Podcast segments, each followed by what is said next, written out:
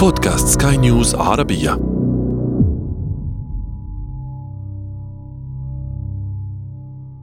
في ديسمبر من عام 1912 عثر الأثري الألماني لودفيغ بورشورد خلال عمليات تنقيب في تل العمارنة بصعيد مصر على كنز مكون من آلاف القطع الآثرية. لكن قطعة واحدة دون سواها خلبت ألباب الجميع. أدرك الأثري الألماني روعتها وقرر أن يحصل عليها ويهربها من مصر بأي طريقة. تمثال حاول كثيرون تفسير سحره وجاذبيته. يحكى أن هتلر أغرم به ومنع عودته إلى مصر، ومثل طيلة الوقت أزمة بين القاهرة وبرلين. أهلا بكم، أنا عمرو جميل وأنتم تستمعون إلى بودكاست بداية الحكاية. بداية الحكاية. بداية الحكاية.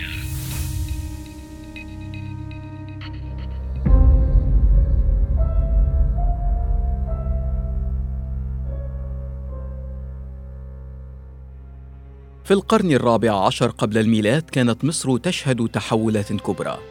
كانت الدولة المصرية قد تخلصت بالفعل من احتلال الهكسوس الرعاة. نجح أحمس في طردهم من مصر بعد أن أكمل المهمة التي بدأها سقننرع وكامس ليدشن حقبة ستكون ذهبية في التاريخ المصري بأكمله. وحينما مات أحمس أدرك خلفاؤه أهمية توسيع حدود الدولة المصرية وأن الدفاع عن مصر يبدأ من خارج حدودها. قاد ذلك لتأسيس إمبراطورية مترامية الأطراف من الفرات شمالا إلى ما وراء الشلال الرابع لنهر النيل جنوبا.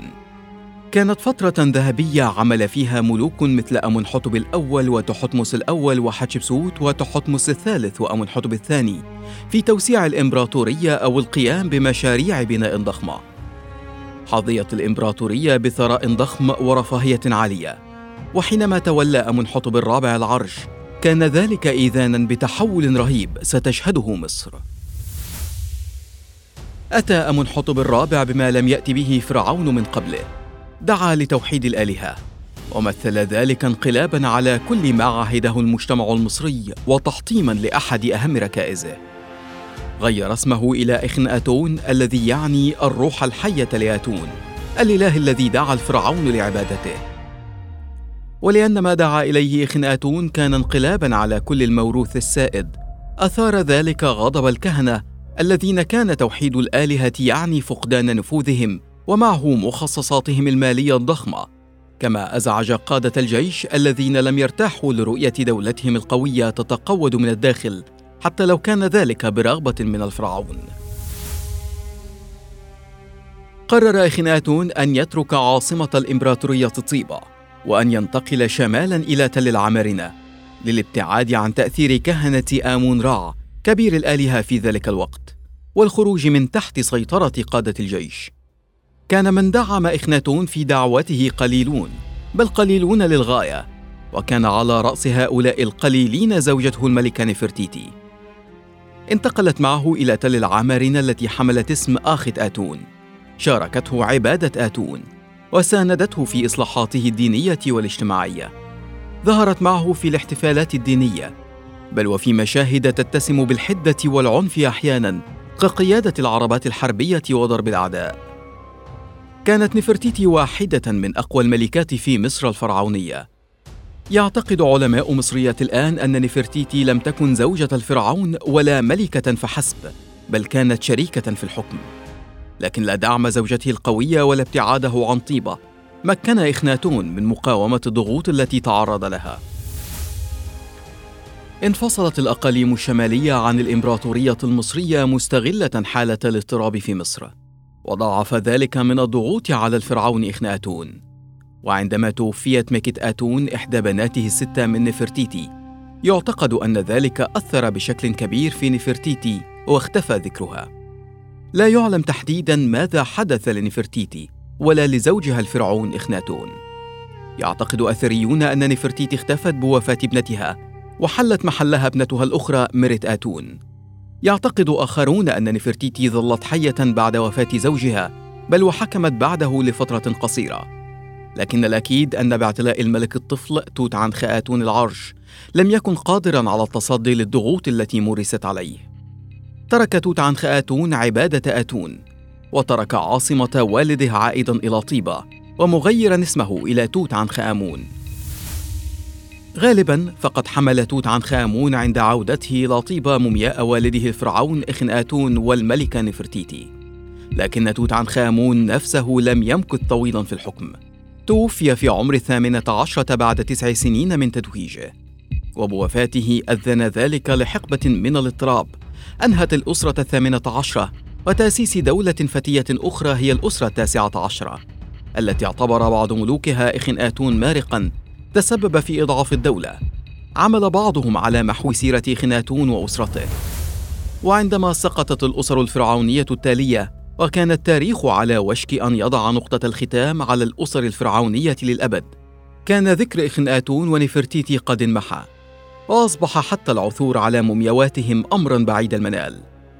لم يتبقى سوى آثار خلفها إخنآتون في تل العمارنة وتماثيل جسدت أسرة حاكمة غيرت من مجرى التاريخ. ولكن ذلك بقي حتى حين. في ذلك الشتاء وتحديدا في ديسمبر من عام 1912 كانت بعثة ألمانية تجري تنقيبها في منطقة تل العمارنة. كان عالم الآثار المصرية الألماني لودفيك بورشرد ينقب في بيت النحات تحتمس الذي أظهرت الكتابات في مقبرته أنه كان نحاتا للفرعون إخن آتون. كان بورشرد يعلم أن وصوله إلى بيت النحات سيمنحه كنوزا فريدة من نوعها ولم يكن الرجل مخطئا في توقعه. عثر عماله على قطع تمثال نصفي مكسور لأحد الفراعنة. تلتها قطع فنية بديعة لكن أجملها كان تمثالا نصفيا مدفونا في الرمال بشكل عكسي. أبصر رأس الملكة نفرتيتي النور بعد أربعة وثلاثين قرنا من الزمان.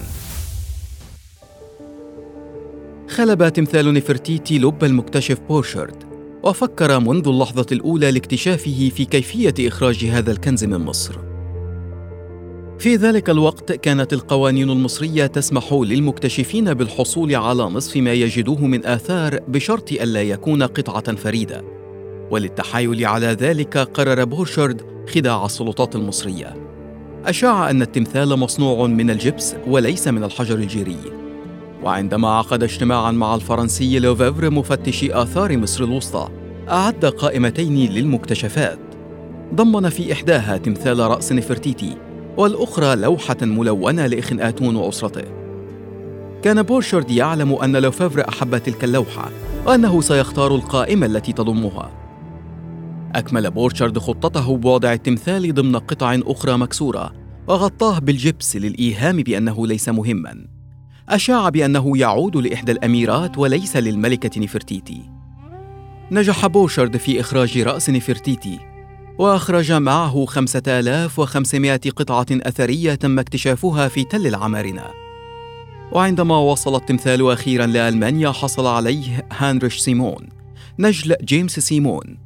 تاجر قطن يهودي مليونير كان قد مول بعثة التنقيب في تل العمارنة. أمر سيمون بتصنيع نسختين مماثلتين من التمثال. احتفظ بالنسخة الأولى وأهدى الثانية للقيصر فالهلم الثاني. أما التمثال الأصلي فأهداه سيمون مع بقية القطع الأخرى لمجمع الفنون الملكي البروسي. وكان لخروج التمثال بهذه الطريقة غير المشروعة من مصر سببا في مطالبات مصرية متكررة باستعادته لكن تلك المطالبات اصطدمت دائما برفض علماني طالبت به مصر رسميا في عام 1933 ومثل ذلك خلافا مع ألمانيا. وحينما عرض الأمر على هتلر طلب رؤية التمثال. يقال إنه أغرم به وقرر رفض الطلب المصري. وبعد نهاية الحرب وهزيمة ألمانيا طالبت مصر باستعادته من جديد. طالبت في رسالة في عام 1945 لمجلس الحلفاء استعادة التمثال، لكن المجلس رفض بدعوى عدم اختصاصه. تكرر الموضوع لاحقا بمطالبات من وزراء الآثار المصريين، لكن كل المحاولات المصرية لم تجد نفعا. حاول الكثيرون الكشف عن سر جمال وجاذبية تمثال نفرتيتي حتى إنه تم استخدام الفحص بالأشعة والتصوير المقطعي بالكمبيوتر وغيرها من الوسائل التقنية المتطورة. لم يعرف أبدا السر وراء جاذبية التمثال. ربما يكون تعبير التمثال عن جمال الفن اليدوي المصري. وكيف نجح نحاته في إظهار تفاصيل وجه الملكة بتلك الدقة؟ حتى تلك التجاعيد الصغيرة تحت العينين. ربما يكون السر في الحياة المفعم بها التمثال. بشكل ينسي من يقف أمامه للحظة أنه تمثال. وربما يكون فقط سحر ملكة من الزمن الفرعوني. بداية الحكاية, بداية